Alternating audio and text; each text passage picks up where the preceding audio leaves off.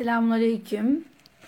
Hayırlı, bereketli bir Esma Hüsna gecesi e, niyazıyla dersimize başlıyorum inşallah. Euzubillahimineşşeytanirracim. Bismillahirrahmanirrahim. Evet, e, bugün 32. E, isimdeyiz. Rivayet e, isimlerinden 32. isimdeyiz. El Habir ismi ne üzerinde inşallah değerlendirmelerde bulunacağız.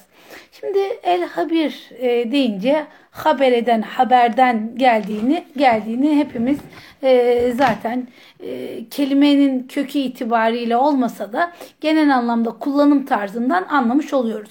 Şimdi genel manalara bir bakarsak her şeyin iç yüzünden mutlak şekilde haberdar olan, o haberdar olan. Yani e, bu habir isminin hem fail hem de mef'ul anlamı olduğunu biraz sonra göreceğiz ama ben şimdi genel manaları vereyim. Ondan sonra da inşallah e, kelimenin kökleri kökü üzerinde durarak sonra bize hangi manaları taşıdığıyla alakalı değerlendirmelerde bulunacağız. Demek ki birinci anlamım her şeyin iç yüzünden mutlak şekilde haberdar olan. İkinci anlamı da her şey hakkında en iyi, en detaylı haber veren. Yani hem e, her konunun, her şeyin iç yüzünden mutlak bir şekilde haberdar, olan hem de her şey hakkında en iyi, en detaylı bilgiyi e, haberi veren anlamına geliyor. Şimdi sözlükte bir bakalım mana ne? Sözlükte şöyle bir nesneyi gereğince bilmek için yoklayıp sınamak. Bir nesne, herhangi bir nesneyi gereğince bilmek için yoklayıp sınamak, bir şeyin iç yüzünden haberdar olmak anlamına gelen hubur, mas, e, hubur e, mastarından bir sıfat habir ismi. Demek ki habir ismi e, sözlükte bir nesneyi gereğince bilmek için onu yoklayıp sınamak ve bir işin yani bir şeyin e, iç yüzünden haberdar olmak manasında hubur kökünden geldiğinizi geldiğini mastarından geldiğini öğrenmiş olduk. Şimdi habir ismi evet demek ki bu manadan gelen bir sıfat. Sıfat olarak da mana şu bilen bir nesnenin mahiyetine ve iç yüzüne vakıf olan anlamlarına geliyor. Demek ki e, bir nesnenin mahiyetine ve iç yüzüne vakıf olan anlamına geliyor. Böyle tanımlanıyor. Kelimenin kökünde bir şeyin asıl yapısını ve iç yüzünü öğrenmek, için onu duyu organlarıyla algılayıp denemek ve elde edilen bilgileri akıl süzgecinden e, geçirip bir sonuca bağlamak manası var. Ama bu insanlar için. Yani e, kelimenin kökeninde onu anlıyoruz. Bir şeyin asıl yapısını, iç yüzünü öğrenebilmek için onu duyu organlarıyla algılayıp e, elde edilen bilgileri akıl süzgecinden geçirerek bir sonuca bağlamak olduğunu biliyoruz. Şimdi bu kelimenin kökünden bildiğimiz çok kelime var. İhbar kelimesini kullanıyoruz. İhbar. İhbar nedir? Haberdar etme. Bir şeyin gizli bir tarafını haberdar etme. Hani onu e, polise ihbar ettiler. Ne demek? E, onu işte onun yaptığı eylemi, yaptığı işin gizli tarafını gizli tarafından haberdar ettiler.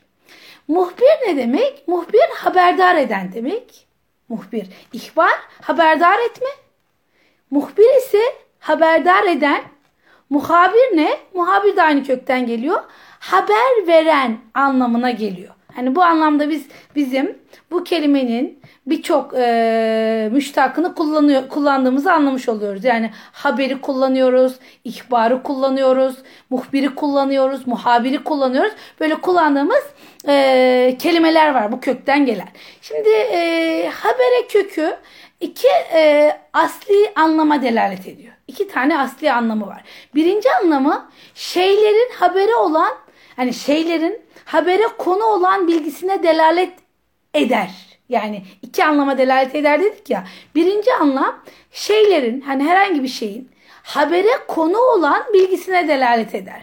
Yani e, bir, bu bilgi ya görünmez şeyler hakkındaki bilgidir ya da görünen şeylerin görünmeyen yanları hakkında bilgidir. Yani şöyle düşünelim. E, ahiretle ilgili bir bilgi. Ha, bu evet habere konudur ama biz bunu görmeyiz. Ya da herhangi bir şeyin görünmeyen yanları hakkında bir bir e, adını söyleyeyim bilgilendirme. Yani her durumda dikkat ve uzmanlık gerektiren bilgi. Demek ki habere kökünün iki asli anlamı var. Yani iki asli anlama delalet ediyor. Birincisi şeylerin hani herhangi bir şeyin habere kolu, konu olan bilgisine delalet ediyor. Şimdi burada zaten hani e, o konuyla ilgili bir malumat, bir bilgiyle o konu irdeleniyor ve anlaşılıyor. Şimdi zaten kelimenin bir köküne baktığımız zaman devenin mesela ağzından gelen köpüğe Arapçada habir deniliyor. Devenin ağzından gelen köpüğe habir deniliyor. Niçin? Devenin neyi var neyi yok işte ortaya döktüğü için. Hasta mı nedir o sıvıdan anlaşılıyor. Hani mesela sara geçiren bir insanın işte ağzından bir şey dışarıya çıkması mesela. Ya da e, meyveli ağaca el habir deniliyor. Niye? E, e, el, meyveli ağaca el habir deniliyor. Hani delalet ettiği şey var ya dedik ya şeylerin habere konu olan bilgisine delalet eder. Meyveli ağaca el habir deniliyor. Niye? O meyve hangi ağaç olduğunu gösteriyor. E, elmayı görüyorsak o şeyin habere konu olan bilgisine delalet etmiş oluyor. Yani o yüzden Arapçada meyveli ağaca el habir deniliyor. Hani e, işte hangi meyveyi görüyorsak o meyveyle o ağacın ne olduğunu hükmetmiş oluyoruz. Bize o meyve o meyve hangi ağaçtan geldiğinin haberini veriyor aslında kainattaki her zerre nereden hangi kökenden geldiğinin bilgisini bir yolla verir. Evet ya da mesela şeye de Araplar üzerinde ağaçlarla dolu e, sulak araziye de haber derler diye su ve ağaç toprağın görünmez tarafından haber verdiği için. Yani üzeri böyle ağaçlarla dolu sulak bir arazi hayal edin. Oraya da el habir deniliyor. Niye? O su ve ağaç toprağın görünmez tarafından haber veriliyor. Veriyor. Ha işte bunu, buna da el habir deniliyor. Demek ki e, şunu söyledik. Habere kökü iki tane asli anlama delalet ediyor. Birincisi demek ki şeylerin herhangi bir şeyin habere konu olan bilgisine delalet ediyor. Yani bu bilgi görünür ya da görünmez. E, yani mesela devenin ağzından köpüğün gelmesi işte deve iyi midir, hasta mıdır, sağlıklı mıdır o köpükten e, devenin ne durumda olduğu anlaşılıyor. Ya da işte ağaç meyve e, meyveli ağaca el habir denmesi. O meyve aynı e, şekilde e, şey veriyor adını söyleyin. Hangi ağaç olduğunu anlatıyor. Ya da üzeri ağaçlarla dolu ve sulak araziye de el habir denilmesi işte o su ve ağaç e, ağacın toprağın görünmez tarafını haber verdiği için. Şimdi bu birinci anlamda şeylerin habere konu olan bilgisine delalet etmesi. İkincisi şeylerin herhangi bir şeyin yumuşaklığına içine nüfus edebilen edebilen e, işte gevşekliğine, çoğalıp dağılabilir ya da seyrelip yayılabilir niteliğine delalet etmesi. Çünkü haber yayılabilen bir şey. Hani el hubera yumuşak ve to, e, gevşek toprak anlamına geliyor. Hatta yumuşak böyle bitkilere de yumuşak tuttuğunuz zaman yumuşak olan bitkilere de el habir deniliyor. Yani bu iki manayı topladığımız zaman şöyle anlamış oluyoruz. Herhangi bir şeylerin görünmez tarafına dair bilgi almak ya da yumuşak ve gevşek olmak için nüfus edebilirliği ile ilgili edinilen bilgiler demek ki habiri anlatıyor haber veriyor. Demek ki bir e, herhangi bir şeyin görünmez bir tarafından bilgi veriyorsa bir buna delalet ediyor. Bir de neye delalet ediyormuş? Yumuşak ve gevşek olmak için böyle nüfus edilebilir olmaya delalet ediyor. Şimdi Kur'an-ı Kerim'e bakalım. Kur'an-ı Kerim'de habere kökü e, asla fiil olarak gelmez. E, çünkü habera kökü yani Allah'ın bu habir ismi haber e, e, fiil olarak gelmez. Şimdi Kur'an-ı Kerim'de bazı kelimeler de isim olarak asla gelmez. Akıl kelimesi. Asla isim olarak gelmez. Sadece fiil olarak gelir. E, irade kelimesi. İrade asla isim olarak gelmez. Fiil olarak gelir. Niye? Çünkü irade göstermek e, ya da akıl etmek sürekli bir eylemin parçasıdır. Değişkenliği vardır. Hani insan mesela bugün böyle akıl eder. Yarın öğrenir. Perspektifi değişir. e, tasavvuru farklı şekilde inşa olur. E, yarın başka şekilde akıl eder. Başka şekilde olayları akleder birbirine bağlar. Demek ki Kur'an-ı Kerim'de bazı kelimeler fiil olarak geçiyor. Yani hiçbir zaman Kur'an'da iradeyi, e, akıl kelimesini, böyle bu kelimeleri isim olarak görmeyiz. Niye? Çünkü bir süreklilik vardır. Eylemde bir süreklilik olmasına nispet eder. E, gelelim ki mesela habir, haber kelimesi. E, bu kelime ise e, fiil olarak hiçbir yerde gelmiyor. Habere konu olan bilgi e, şeylerin değişen ve gelişen arazlarına dahil değil çünkü. Değişmeyen ve sabit özlerine yönelik bilgi. Yani haber dediğimiz şey birinin e, hani herhangi bir bilgi, herhangi bir bilgi o bilginin değişen ve gelişen arazlarıyla sonradan olan eylemlerle alakalı bir bilgi haber değil. O değişmeyen ve sabit olan öze yönelik bilgi.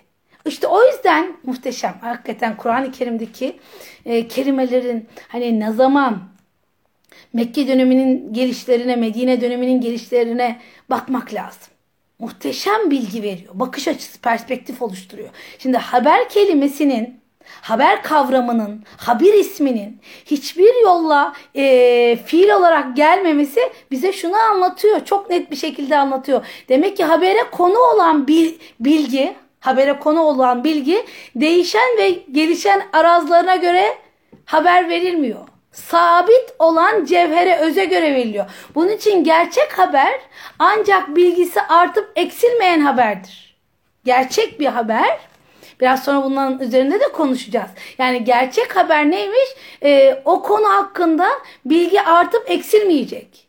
Sabit ve daim olan sabit ve daim olan e, haber el habir olan Allah'ın verdiği haberlerdir.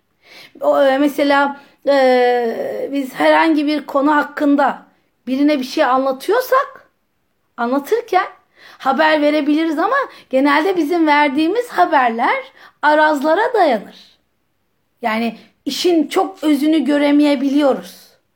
He, burada biz bunu anlamış olduk. Yani Kur'an'da haber ismi e, demek ki fiil olarak gelmiyor. Muhteşem farklı bir perspektif oluşturuyor.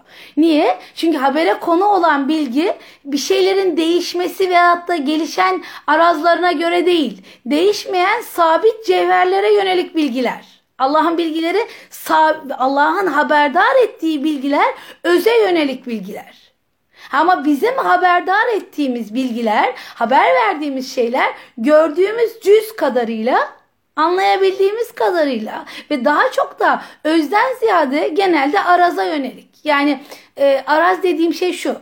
Kişinin özü asıldır. Bir de onun katma değerleri vardır. Ya da arazları vardır. Sonradan gelişen durumları vardır. Yani mesela şöyle düşünün.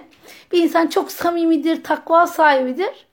Ama siz bir kere iki kere öyle görüştükten sonra bir keresinde onun çok farklı bir eylemine şahit olursunuz psikolojisi o dönem pek iyi değildir. Bir takım şeyler yaşıyordur. Ha ona göre haber, e, şey verebiliriz. Ha, haber, ona ondan haber almış ol, olduğumuzu düşünebiliriz. Ha, bizim o aldığımız haber öze ait bir haber değildir. O kişinin duruma göre verdiği tepkiye yönelik bir haberdir.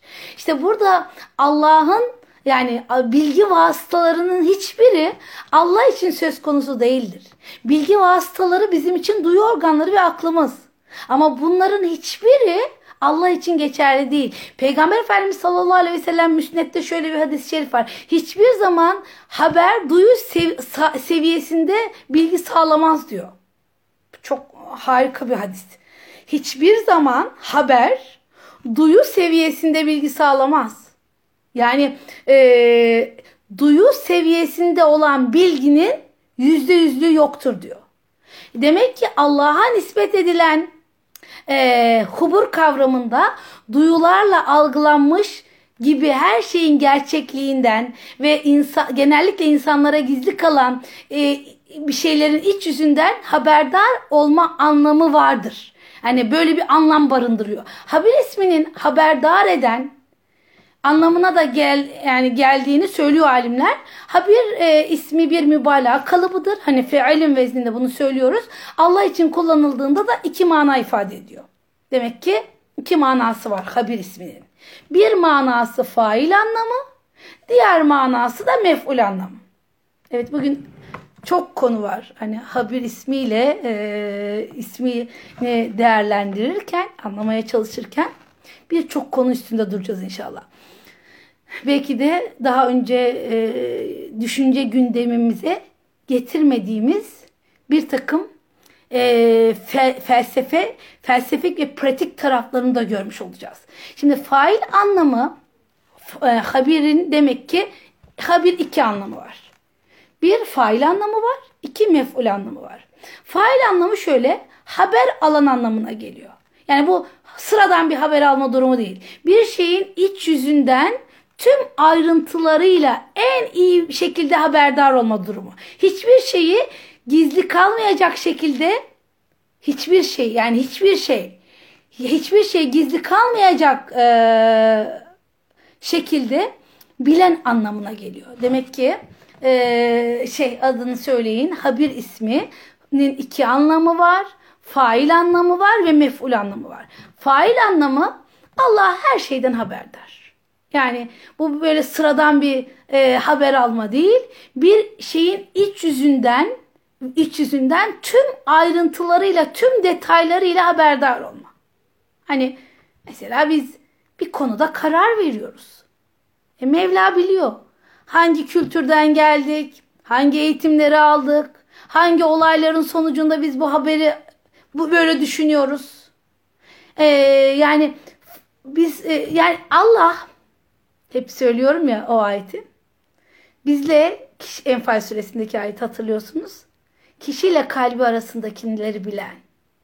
Kişiyle kalbi arasındakileri bilen.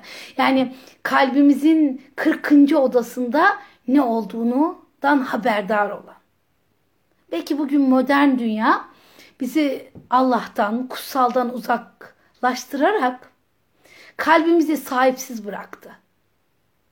Yani bazen Allah'ım ya insanlar anlamıyor beni falan diye düşünüyor ya insanlar. Halbuki kalbimizin en derinliklerinde olan üzüntüyü, sevinci, üzüntüden, sevinçten haberdar olan var. Habir olan var.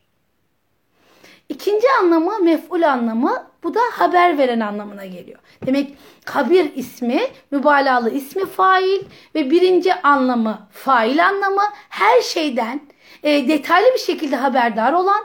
İkincisi de mef'ul anlamı bu da neymiş? Haber veren. Bu haber verme de sıradan bir haber verme durumu değil. Bir şeyin kimsenin yani bir şey herhangi bir şeyin kimsenin görmediği ya da bilmediği iç yüzünden haberdar etme durumu. Hani herhangi bir olay oluyor e, ve insanlar onun iç yüzünü göremiyor ve bilemiyor. İşte burada haberdar etme durumu, mef'ul anlamı bu. Yani demek ki bir Allah'ın her şeyden haberdar olması, her detaydan. İkincisi mef'ul anlamı Allah'ın haber vermesi, haberdar etmesi. E mesela Tahrim suresine buna örnek verebiliriz. Tahrim suresi 3. ayeti hatırlayın. Diyor ya hani peygamber eşlerinden nasıldı ve izle serene bazı hani e, peygamber eşlerinden birine gizli bir şeyler söylemişti. Eşi de bunu başkalarına aktarıp e, Allah da bunu peygambere açıklayınca diyor. Bunun bir kısmını anlatınca eşine dedi ki bunu sana kim haber verdi? Bunu sana kim haber verdi? O da her şeyi bilen ve haberdar olan dedi. Şimdi e, çok muhteşem bir tasavvur inşası var. Siz saklayabilirsiniz. Ama Allah haberdar etti. Ki şu ayeti hiç unutmayalım. Fatır 14'ü mesela bu haftanın ödevi olsun bu. Fatır 14'ü buzdolabımızın üzerine kapımızın bir girişine yazalım. Ee, diyor ya ve la yunebbüke misli habir. Hiç kimse sana her şeyden haberdar olan Allah gibi haber veremez. Hiç kimse. Yani bütün ayeti okumadım zaten. Ben sonunu okudum. Ve la yunebbeke misli habir. Hiç kimse Allah gibi haberdar edemez. Hiç kimse. insanlar bilir parçadan bilir. Allah bütünden bilir. O yüzden hani kimsenin kendisine bildirmediği takdirde bilmeyeceği gaybi bilgileri de bilen Allah ve o bilgilerden haberdar eden de Allah. Bu anlamda e, mef'ul anlamı da çok önemli bir anlam. Yani şunu anlıyoruz ki hiç kimsenin haberdar edemeyeceği bilgileri de insanın önüne getiren, kalbine ilka eden, ilham edecek olan da Allah'tır. E, bu haftaki ödevimiz Fatır 14. ayeti inşallah yazalım. Orada hem haber ismi geçmiş oluyor hem de haber ismini çok önemli bir şekilde öğrenmiş oluyoruz. Kimse veremez. Her şeyden haberdar olandan başkası bilgiyi, asıl öz bilgiyi veremez. Şimdi demek ki ne anladık? Ee, ilk önce bir tanımını yapalım. Bir nesneyi gereğince bilmek için onu yoklayıp sınamak, bir şeyin iç yüzünden haberdar olmak. Evet ve Allah için geldiğinde haber ismi iki manası var dedik. Bir fail manası var, bir de meful manası var. Fail manası haber alan anlamına geliyor. Her konuda detaylıca insanların e, hiç bilmediği kalbimizin en gizli köşelerinde ya da zihnimizin içerisinde yaşanmışlıklarımıza ait nice olaylar var. Hatırlayamadıklarımız var, hatırladıklarımız var. Hafif hafif paslı olanlar, böyle bulutların arkasından tahlil etmeye çalıştıklarımız var. Hepsinden haberdar olan Allah. Mef'ul anlamı da neymiş? Mef'ul anlamı da e, haber ver, veren. Yani bir herhangi bir durumda bir şeyin en detaylı haberini verme ve Fatır 14. ayetin sonunu söyledik. Hiç kimse sana her şeyden haberdar olan Allah gibi haber veremez. Hep birileri bir şeyleri bildirebilir ama Allah kim gibi kimse haber veremez. Şimdi Kur'an'da bu isim 45 defa geçiyor arkadaşlar. 45 defa geçiyor. Bir e, ayette Hubur mastarı olarak geçiyor. 44 ayette de El Habir ismi olarak geçiyor. Şimdi Habir e, 26 yerde Allah'ın insanların yaptıkları her şeyden ve kıyametteki durumlarından haberdar olduğu anlamında geçiyor. Bu biraz da müjdeleyici bu üslup. Yani Allah bizim çok şükür kimsenin bilmesine gerek yok. Bu, bu mana önemli. Birilerinin e, haberdar olmasına gerek yok bizim hayır işlerimizden, teheccüddeki dualarımızdan, kalbimizin derinliklerindeki muhabbetten haberdar olmalarına gerek yok. Habir olan biliyor. İşte 26 ayette e, insanların yaptıklarını ve kıyametteki durumlarından haberdar olduğunu ve daha çok da müjdeleyici bir üslup var. Yani Rabbimiz biliyor. İşte oruç tutuyoruz, teheccüdlere kalkıyoruz, ilim çalışmaları yapıyoruz. Kimsenin bilmesi gerekmiyor. Aslında haber ismi bize çok önemli bir mesaj veriyor. Belki bugünün modern insanına çok daha önemli bir mesaj veriyor. Herkes bilinsin diye bir şeyleri yapıyor. Uğraşma. Her yaptığının en gizli düşüncelerine kadar onları bilen var. Birilerinin bilmesi, birilerinin takdir etmesi gerekmiyor. Haberdar ol, haber olanın haberdar olduğunu bilmek yeterli. Ve 5 ayette yaratılış, e, yaratılmışların ihtiyacını en ince noktasına kadar bilen manasına gelen geçen hafta gördük. Latif'in habir olarak geçiyor. Yine işte 5 ayette e, Basir ismiyle geçiyor. E, Hakim ismiyle geçiyor. Bunlarla geçtiğini biliyoruz. Ve kelimenin bu kullanışla kullanılış yani bu şekilde kullanılması da zenginlik kattığını görüyoruz. Gazali diyor ki haberle birlikte dört ismin ilim kavramı etrafında halkalandığını söylüyor. Yani diyor ki e, dört isim habirle birlikte kullanılır ve bu bir ilim kavramının etrafında halkalanmış olur. Bu mesela alim ismi mutlak manada ilme delalet eder. E, habir ilmin duyularla algılanamayan batini kısmını şehit ise şehit ismi ise algı alanına yönelik kısmını ifade eder. Hakim bilineceklerin en şereflilerine yönelik Muhsi ise ayrıntıları sınırlı bulunan konuları aydınlatan anlamına gelir. O yüzden diyor ki bu ilmin dışında alim ismi, habir ismi, e, şehit ismi ve muhsi isimleri bir halkadır diyor. Yani e, bir konunun konuya vakıf olmak için işte ondan haberdar olmak, onun efendim e, ilminden e, onunla ilgili bir ilim sahibi olmak, e, şehit olmak ona şahit olmak yani ve muhsi olup detaylarını bilmek.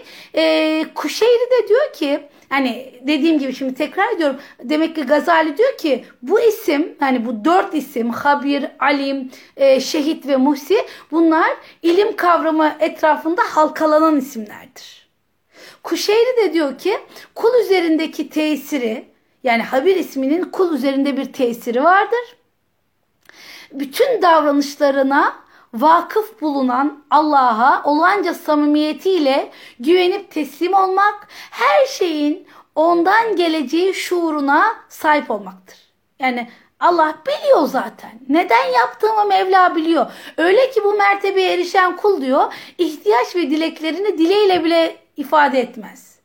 Sadece diyor Kuşeyri artık kalbinden geçirmekle yetinir. O kadar kalbi habir olan Allah'tan haberdardır. Yani şey demek istiyor. Habir olan Allah zaten ondan haberdar. Ama o, o habir olan Allah'tan, o habir isminden o kadar tecelli alır ki Allah'ın ondan haberdar olduğunu yüzde yüz bilir. Artık kalbindeki ihtiyaçları direkt ona sunar diyor. Şimdi bir kere burada şunu da unutmamak lazım. Ee, habirde şunu görüyoruz biz. Gayipten haber veren Allah. Allah sadece gördüklerimiz üstünden haber vermiyor. Şimdi biraz sonra anlatacağım o konuları da inşallah ama şunu bir kere unutmamak lazım. Gayip kayıp değildir. Gayip kayıp değildir. Kayıp dediğimiz şey nesnenin kaybolduğu durumlar için geçerlidir. Yani gördüğümüzü sandığımız bazı şeyler vardır. Biz çoğu zaman yanılabiliriz. Yani mesela suda değnek suya değneği tuttuğunuz zaman böyle bastonunuz varsa ya da değnek tuttuğunuz zaman suda değneği kırık görürüz. Ama e, değnek kırık değildir. Yansıma öyledir.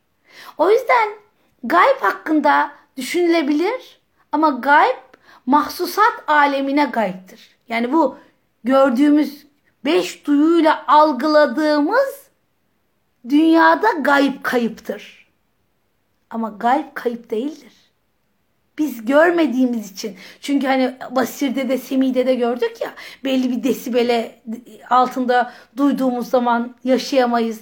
Belli bir desibelin üstünü duyduğumuz zaman yaşayamayız. Unutmayalım ki sınırı bir duyunun sınırı sınırsızlaştı mı o duyu kaybolur, ölür. Belki buradan da mahremiyete girilebilir.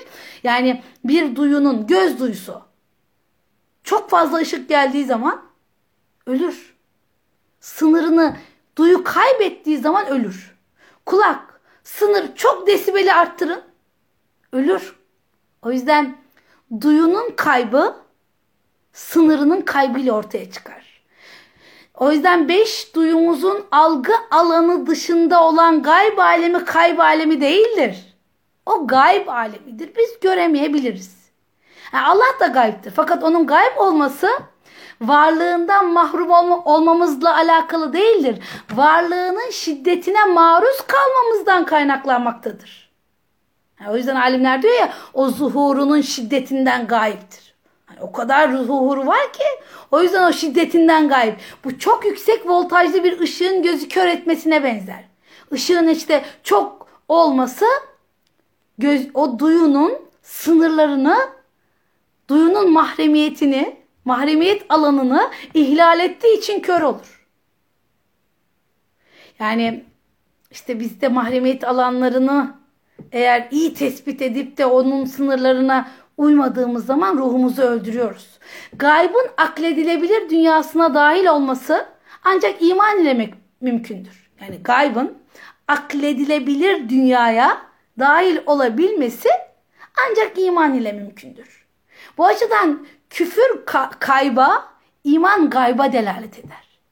Küfür kayba, iman ise gayba delalet eder. Yani gayb kayıp değildir. Aksine gördüklerimizden daha kesin ve gerçektir. Gözümüzün bizi yanıltması, sudaki değneğin kırık olması Nasıl ki kırık değil, işte gözümüz bizi böyle yanıltabilir. Şimdi gelelim şuna. E, demek yani e, genel bir fenomenden bahsettim. Demek gayb kayıp değildir. E, bizim duyularla gördü, duyularımızın algılar yani bütün duyularımız sınırlıdır ve biz bu sınırlar içinde görürüz, duyarız, hissederiz. Şimdi gayb varlıkların gayb yani varlıkların mahiyetine nispetle üçe ayrılır. Gayb, hani herhangi bir gayb demek ki varlıkların mahiyetine göre üçe ayrılıyor. Bir, zatı da eseri de zahir olan. Demek üçe ayırıyoruz. Bir, zatı da eseri de zahir olan. Ne demek? Beş duyu aracılığıyla bilinir. Bu bilgiye biz mahsusat diyoruz.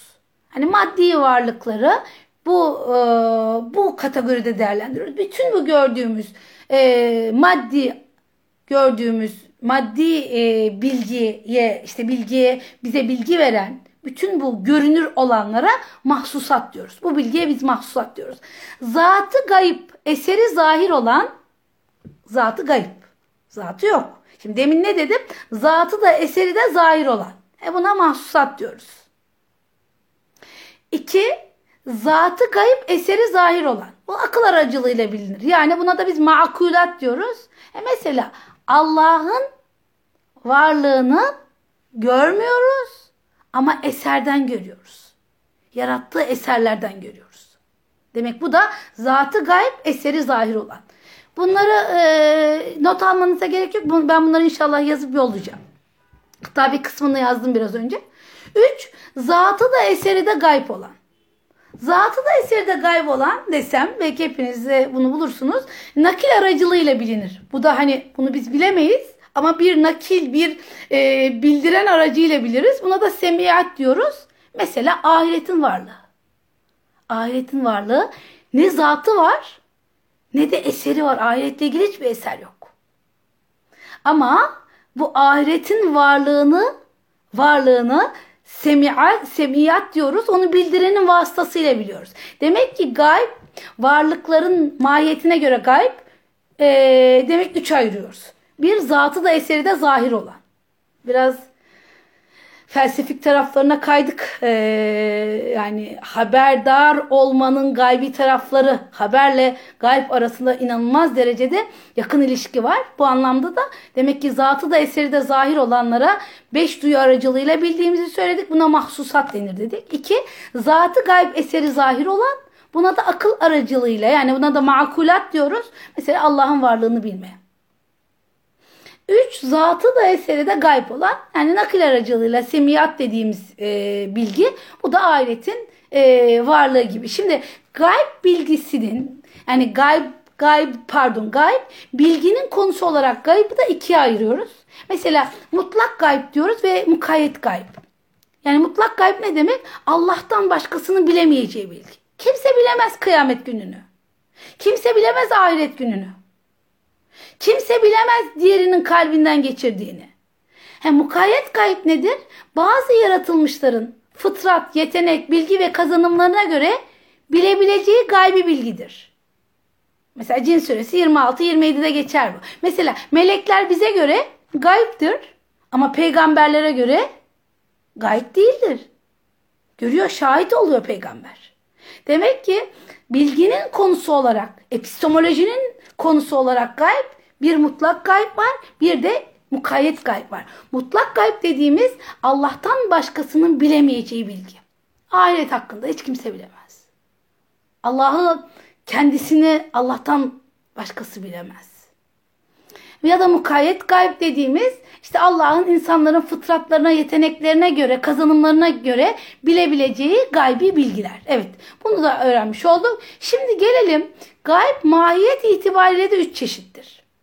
Yani ya da haber mahiyet itibariyle üç çeşittir. Mesela cüzi haber diyoruz ya da cüzi gayb diyebiliriz. İkincisi mütecezzi haber ya da gayb.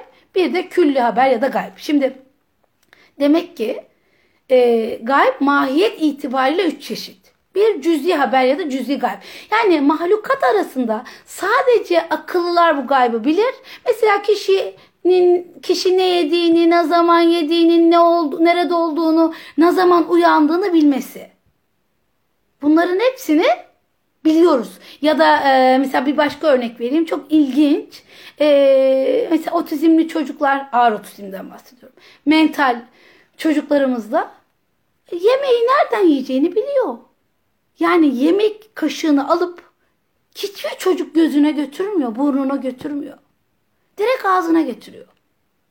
Hani bu cüz'i gayb dediğimiz insanın fıtratıyla alakalı olan e, yani o fıtratıyla haberdar oldukları insanın.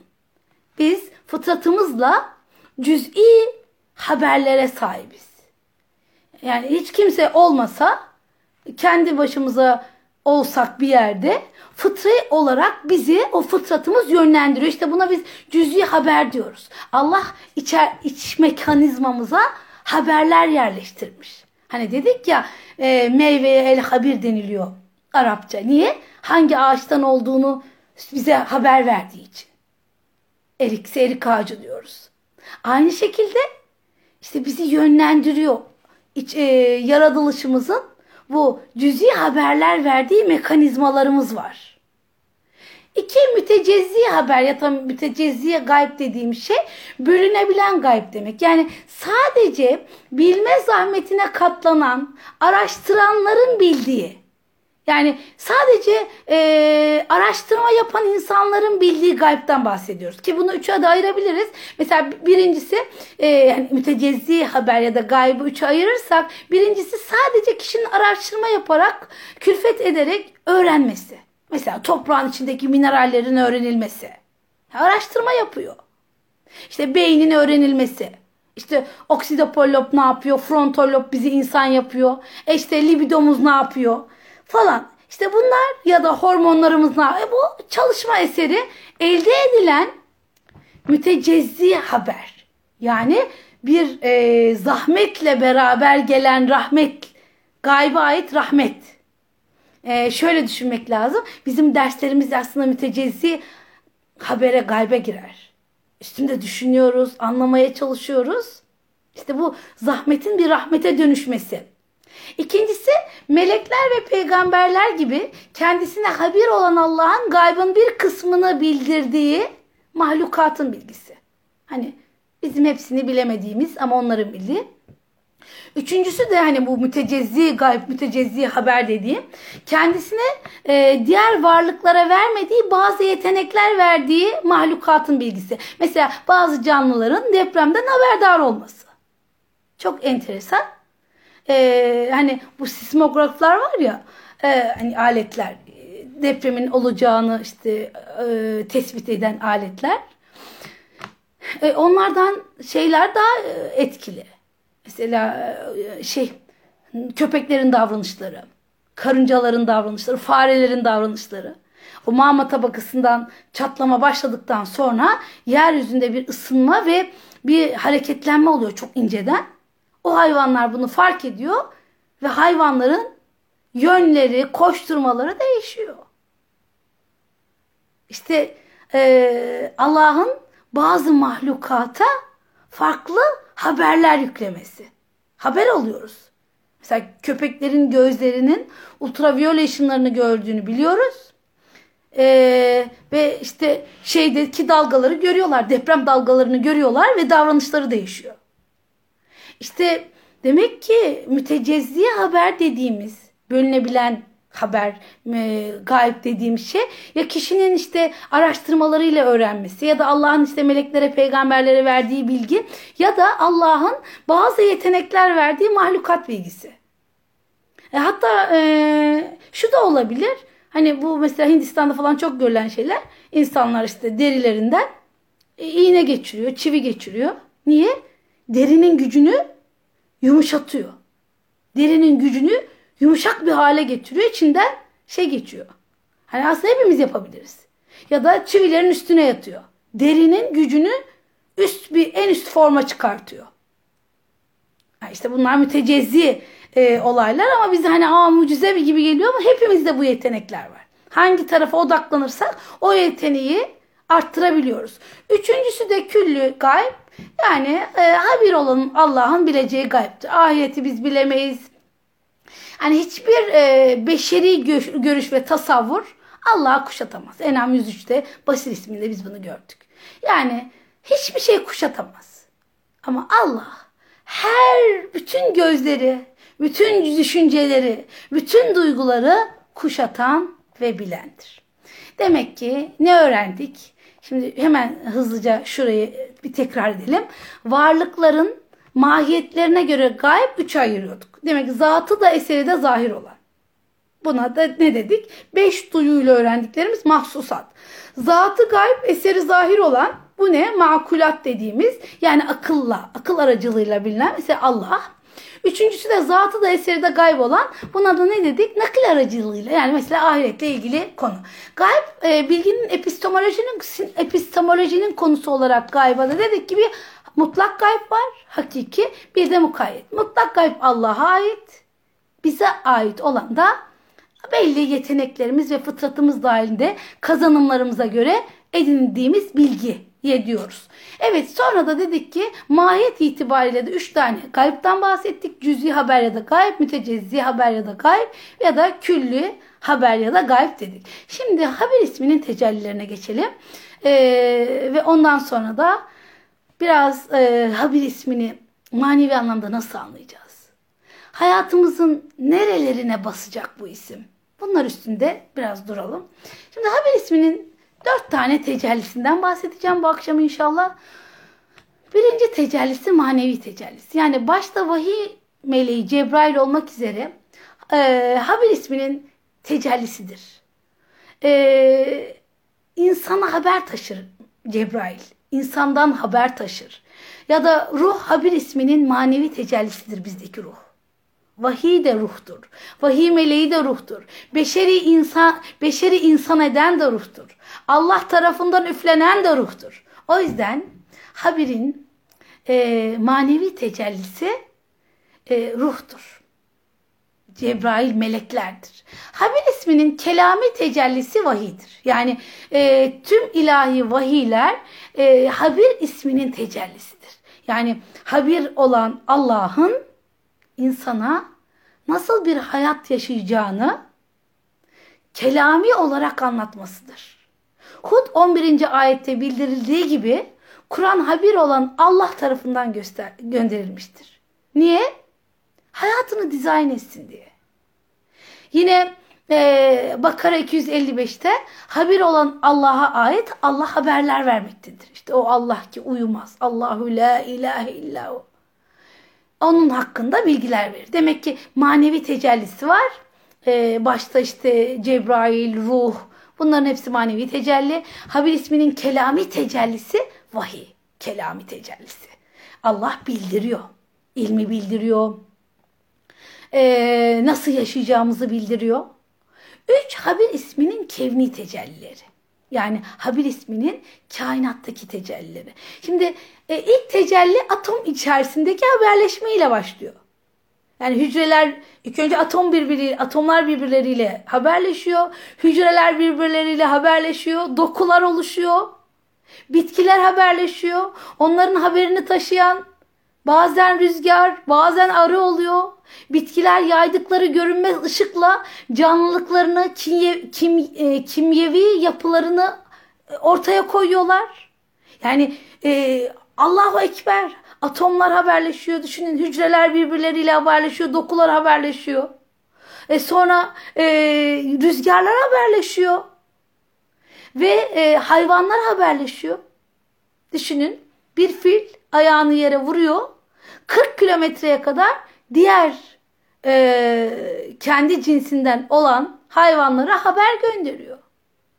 Yunuslar, balinalar, denizin altı, okyanusların altı, gökyüzündeki kuşlar hepsi birbirleriyle haberleşiyor. İşte bunlar Habir isminin tecellileri. Onları birbirleriyle haber birbirlerinden haberdar ediyor Mevla. Ee, hani mesela düşünün bir ormanda bir ağaç kesilirken diğer ağaçların hormonal düzeyleri değişiyor. Haberdar ediyor. Ya da bitkiler e, görünmez ışıklar yayarak kimyevi yapılarından haber veriyorlar. Hayvanlar haberleşiyorlar dediğim gibi. Mesela kene kör denecek kadar az gören bir hayvan ne neredeyse hiç görmüyor. Ama aşağıdan geçen canlıdan sülfürik asit kokusunu aldığında asıldığı yerden kendini bırakıyor. Ne kadar enteresan. Görmeyecek kadar, kör denecek kadar, görmeyecek kadar e, az gören bir hayvan ama bir sülfürik asit kokusuyla haber alıyor ve şeye gidiyor. Kendini yere doğru bırakıyor. Ya da düşünün haberdar ediyor işte. Allah e, hayvanlar birbirlerinden haberdar. İşte yunusların seslerine bakın balinaların hiçbirinin sesi de birbirine benzemiyor. Hiçbir hayvanın sesi birbirine benzemiyor. Yani düşünün ki biz 8 milyar insan var. Hiçbirimizin sesi birbirinin aynı değil. Allahu Ekber. Ses rengimiz var. Ya da düşünün televizyon, radyo, internet, uydu gibi haberleşme sistemlerini düşünün. Bunlar da Allah'ın haber isminin tecellisi. Nasıl? E, bu haberleşmeleri Allah işte bize e, havadaki vasıtalarla lütfeyliyor. Allah ses ve görüntü için dalgalarla e, taşınma yasaları koymamış olsaydı modernleşme araçları keşfedilemezdi. Allah ses ve görüntü için dalgalarla taşınma yasaları ortaya koydu. koydu. Ya da fotoğrafı düşünün. Işıkla resim çizmek. Fotoğraf dediğimiz şey ışıkla resim çiziyoruz. Allahu Ekber. Ee, kainatta ritimsiz hiçbir doğal ses yok. İnsan kalbi ritimle atıyor. Böcekler ritimle atıyor. Her birinin ritmi Allah'ın Habir isminin tecellisi. İmzası. Yani her bir hayvanın yani o böcekler mesela düşünün e, şeye kadar karıncadan işte her türlü böcek böceğin kendine ait farklı sesi var. Ve her birinin ritmi Allah'ın Habir isminin imzası. İç organlarımızı düşünün. İç organlarımızı düşünün. Her birinin ayrı bir sesi var. Mesela bir yarasa türü var. Saniyede 2 milyon sesi değerlendirme kapasitesine sahip. Allahu Ekber işte insanın zihni anlayamıyor. 2 milyon ses geliyor ve algılıyor. Ee, yani mesela yarasalar havada uçan bir böcekten veya sinekten sonar sistemi sayesinde en ince detayına kadar haberdar oluyorlar. Onlarda bir sonar sistemi var. Yani e, böylece avın uçuş hızını, uçuş yönünü, kanat çırpış gücünü, kanat çırpma aralıklarındaki güç düşüşü, yükselişlerine kadar algılıyor. Yani yarasa havada giderken e, havada bir böcek ya da diyelim bir şey avlayacak. O sonar sistemi sayesinde e, avı ile alakalı avının hızı, uçuş yönü, kanat çırpış gücü, kanat çırpma hareketleri hepsini fark ediyor. Haberdar. Renkler yine Habir isminin tecellisi. Her rengin bir mesajı var. Işık rengin anası, annesi. Işık rengin annesi. Farklı renkler oluşması ışığın dalga boylarının e, dalga boylarının farklılaşmasıyla oluyor. Yani ışığın dalga boyundaki farklılaşma sadece farklı renkleri ortaya çıkarmıyor. Aynı engin farklı tonlarını da ortaya çıkartıyor. Yani anne kuş yavrusunun besin ihtiyacını gagasının renginden anlayabiliyor. Çok enteresan değil mi? Sadece görünen renkler değil, görünmeyen renkler de bilgi veriyor. Yani e, kokular, kokular habir tecellisi. Haberdar ediyor. Gül kokusu gül olduğunu, kimliğini söylüyor, varlığını söylüyor. Besinlerin bayat mı taze mi olduklarını anlıyoruz. Haberdar ediyor. Allahu Ekber. Anlatacak tabii burada çok şey var. Kain hani neredeydi? Yusuf suresi 105. ayetti galiba. Evet 105'ti zannediyorum. Bir bakarsınız. Hani onlar geçer giderler. Hiç bakmazlar diyor. Onun nasıl bir ayet olduğuna bakmazlar. Göklerde ve yerde olanlara bakmadan geçer giderler. Yani göklerde ve yerde olanlar çok önemli şeyler söylüyorlar. Haberdar ediyorlar. Habir isminin imandaki tecellisi dördüncü. Dedim ya manevi tecellisi dedim. İkincisi kelami tecellisi vahidir dedim. Üçüncüsü Habir isminin kevni tecellilerinden bahsettim. Dördüncüsü de Habir isminin imandaki tecellisi. Yani kişi Habir ismini bildiği zaman kin, haset, buz, nifak, riya, cimrilik gibi hastalıkları düzeltir. Allah'ın haber olduğunu bilen kişi riya yapamaz. Ee, yalan söyleyemez. Gıybet edemez. Şimdi gıybet e, haber değildir. Biz gıybete haber demeyiz. Öyle değil mi? Ama bugün tabii gıybeti daha canlı tutabilmek için magazin haberleri deniliyor. Gerçi artık on, ondan da vazgeçtiler. Müslüman toplum alıştı bu işe. O yüzden artık doya, doya bugün de gıybetten doyduk gibi tam da bilmiyorum ama bir, bir takım problem, programlar olduğunu duyuyoruz. Şimdi niye gıybet haber değildir? Gıybet bir şeyin özünü değil arazını bilmektir. Bir şeyin özünü bilmek değildir. Gıybet bir şeyin arazını bilmek, yan öğesini bilmektir. Sen onu öğrendiğinde belki de o işten o kişi vazgeçmiştir. O yüzden gıybet haber değildir. Gıybet bir şeyin arazını bilmektir. Gazali der ki haber isminin bir yöntem olarak, bir metodoloji olarak kullanılmasını önerir. Mümin kul der bu kişi bu ismin ışığı altında kendi varlığını özellikle psikolojik yapısını teşhis etmeli ve içinde barınan hayvani duygulara karşı cephe alarak onları yenmeli. Hile ve tuzakla yani kendi nefsinin hile ve tuzaklarından sürekli olarak korunmalıdır der. Ee, hani Efendimiz diyor ya insanların en akıllısı nefsine karşı güçlü olan ve ahirete hazırlık yapandır. İnsanların en akıllısı nefsini kontrol altında alan ve ahirete hazırlık yapandır. Şimdi biz e, Habir isminde demek ki yine önemli bir şey öğrendik.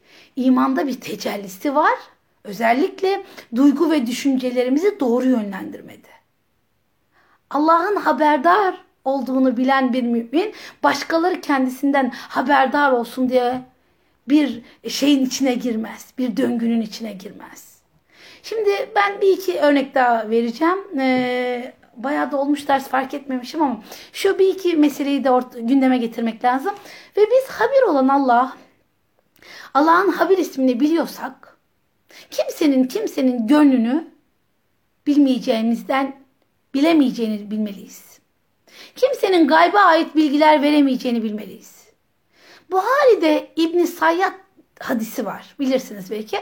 Hazreti Peygamber zamanında sallallahu aleyhi ve sellem zamanında İbn Sayyad isimli bir bir genç çocuk varmış. 13-14 yaşlarında. Çocuk Yahudi bir çocuk ama ne sorsa insanlar bilir. İnsanların kalbinden geçeni de bilir. Yani genelde gayipten haber verdiği böyle rivayet ediliyor. Hazreti Peygamber Hazreti Ömer'e diyor ki ya bu gencin yanına gidelim ve hani bu ne yapıyor bir öğrenelim diyor ve gidiyorlar. Hazreti Peygamber diyor ki sana bir şeyler geliyormuş öyle mi? İbn Sayyad da diyor ki evet evet diyor. Hazreti Peygamber diyor açıkta mı geliyor gizli mi geliyor? Hani karanlıkta mı geliyor aydınlıkta mı?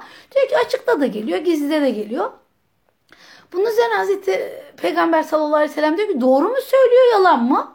Çocuk diyor ki yani doğru da söylüyor yalan da. Hazreti Peygamber diyor ki içimden bir şey tuttum bil bakalım. Çocuk duh diyor daha. Daha duh diyor. Efendimiz sus diyor. Efendimiz sus diyor. Ve diyor ki Ömer. Ömer burayı şeytan bastı gidelim diyor. Çünkü Efendimiz gönlünden Duha suresini tutmuş. Hazreti Peygamber'in tepkisi çok önemli. Bazı insanlar bu tür beceriler geliştirebiliyor. Ama Efendimiz orada çok net bir şey koyuyor ortaya. Habir olan sadece ve sadece Allah'tır. Efendimiz hiçbir türlü gayipten haber vermiyor. Verilmesine de izin vermiyor. Hatta kendisine işte devem nereye nereye gitti kayboldu bilir misin diyene yanındaki sahabe ağır bir laf söylüyor. Efendimiz de tebessüm ediyor. Diyor yani ben bilemem ben insanım. Ve bu sah bu çocuk bu hani İbni e, Sayyad dediğimiz çocuk e, daha sonra Müslüman oluyor ve e, sahabe yine de ondan uzak duruyor. Ola ki nefsimize bir şey gelir hani biz ondan öğrenme ihtiyacı duyarız diye. Habir olan habir olan Allah'tır ve bir mümin Rabbinin habir olduğunu bilir, bildiği zaman buna yüzde yüz iman ettiği zaman başkalarından gaybı öğrenmeye kalkmaz. Bilir ki başkalarının bildiği gayb görebildiği kadardır. cüz'idir. İkinci bir konu daha, bu da çok önemli. İnşallah onu da yetiştirmeye çalışacağım. E, Hucurat suresi 6. ayet. Hucurat suresinde biliyorsunuz Allah diyor ki ey müminler içinizden işte bir bilmeden birilerine e, e, zarar vermemeniz için e, pişman olmamanız için yoldan çıkmış biri size haber getirdiğinde e, doğruluğunu araştırın diyor. Yani sonra üzülürsünüz. Hemen bir insanın bir şey yaptığına hüküm vermeyin. Belki o onun o tarafı gözük görülmüştür ama o öyle değildir. Ki ayetin güvenilmez kimselerin getirdiği haberler diyor ama aslında her insanın hani bu e, ayet en zirvesine kadar çıkıyor. Yani burada e, her türlü zaman ve mekanda sosyal ve hukuki hayatın düzenlenmesi konusunda haksızlık olmaması için verilen haberin e, şey yapılması gerek, araştırılması gerek. Hadis kaynaklarında bunun nuzulüyle ilgili şöyle e, anlatılıyor. Velid bin Ukbe Beni Müstelik kabilesinin zekat vergisini toplamak üzere gidiyor. Velid bin Ukbe. Yolda biriyle karşılaşıyor. Bu kişi diyor ki e, bu e, Beni Müstelik oğullarından bir grup toplandı. Savaşa geliyor sizinle. Ne zekat vermesi diyor. Velid onların savaşmak için çıktıklarını düşününce silahlı bir grup yola çıkmış ya öyle düşünüyor. Ee, ve şey yapıyor adını söyleyin geri, bunu geliyor Hazreti Peygamber anlatıyor. Hazreti Peygamber de haberin doğru olup olmadığını araştırmak üzere Halid bin Velid'i gönderiyor. Halid bin Velid kabileye yakın bir yerde konaklayarak durumu araştırıyor e, söz konusu grubun ezan okuyup namaz kıldıklarını görüyor. İslam'a bağlılıklarının devam ettiğini görünce Medine'ye dönüyor. Ve sonunda anlıyorlar ki zekat tahsildarı geciktiği için durumu öğrenmek veya zekatı elleriyle Peygamber Efendimiz'e vermek için yola çıktıklarını öğreniyorlar. Eğer diyor Allah araştırmasaydınız siz çok üzülecektiniz. Çok pişman olacaktınız. Gördüklerimiz Hani biz bir olayın bir parçasını görüp de bütününe hükmettiğimiz zaman çok büyük hatalar yapmış oluyoruz. Ve şunu hiç unutmamak lazım. İnsanın Rabbinden başkasına ihtiyacı yok. Ama bugün modern dünya biz, bizi Rabbimizden, kutsaldan uzaklaştırdıkça biz kendimizden başkasına ihtiyacımız yok gibi algılamaya başladık. O da gücümüz nispetinde. Eğer güçlüysek, işte maddi kazancımız iyiyse, evimiz varsa, maddi e, anlamda ve mevki anlamında yükseklerdeysek bizim hiç kimseye ihtiyacımız olmadığını düşünerek her şeye vakıf olduğumuzu düşünüyoruz. Hayır. İnsan kendine yetmez. Yetemez. Yaşlanıyoruz. İstediğiniz kadar paranız, malınız, mülkünüz olsun. Öyle bir şey oluyor ki hiçbir şey hiçbir şey yapamaz hale gelebiliyoruz. Ee, habir olan, habir Allah'ın habir ismini bilmek her şeyi her şeyi den haberdar olanın o olduğunu bilmektir. Hiç kimseye kendini göstermek için e, bir çaba harcamamak demektir. İyilik de yaptığımız zaman beğenilmeyebilir. insanlar yaptığımız işlerde ne bileyim hiç hoşlarına da gitmeyebilir. Ters tepki de görebiliriz. Çok şükür ben haber olanabiliyorum. O haberdar deyip yola devam edebiliyorsak işte o zaman bizim tasavvurumuz Kur'an'i bir tasavvurdur. Vahiy üzere bir tasavvurdur. Habir ismiyle Habir ismiyle yaşa, yaşa hayatımızın çok daha letafetli bir hale gelmesine imkan tanımamızdır. Ee, bu hafta Habir ismini üstünde değerlendirmeler yaptık. Yoğun da bir isimdi. İnşallah iki ödevimiz olsun. Ödev bir, Habir ismi ile alakalı Fatır 14. ayete hepimiz sonunu öğrenelim. Ondan başkası gibi kimse haber veremez. Ve bir sıkıntımız mı var? Bir şey çözemiyor muyuz? Habirsin Allah'ım. Beni doğru şekilde haberdar eyle. Doğru şekilde karar vermemden dolayı karar vermeme vermeme vesile olacak hayatıma hayırlı faktörler nasip eyle diyerek dua edelim inşallah. Bunun dışında iki hiçbir olaya cüzüne bakarak bütününden kararlar vermeyelim. Ee, ödev 1 Fatıra 14. ayete bakıyoruz. Ödev 2 biz ne kadar e, Mevla'nın haberdar olduklarından insanların haberdar olmasını istiyor muyuz, istemiyor muyuz? Yaptığımız iyi işler, güzel eylemler konusunda bu iki konu üzerinde birazcık e, mülahaza yapalım, biraz tefekkür edelim inşallah. E, ve e, Esma Hüsna öykülerimizi unutmayalım. Ya yaşamış, yaşanmış öyküleriniz ya da yeni öğren yeni yani yeni öğrendiğiniz bir isimle alakalı bir yaşanmışlığı yeniden yorumlamanızı anlatan öykülerinizi bekliyoruz. Evet ve ahiri davana enilhamdülillahi rabbil alemin diyorum. Allah'a emanet olun.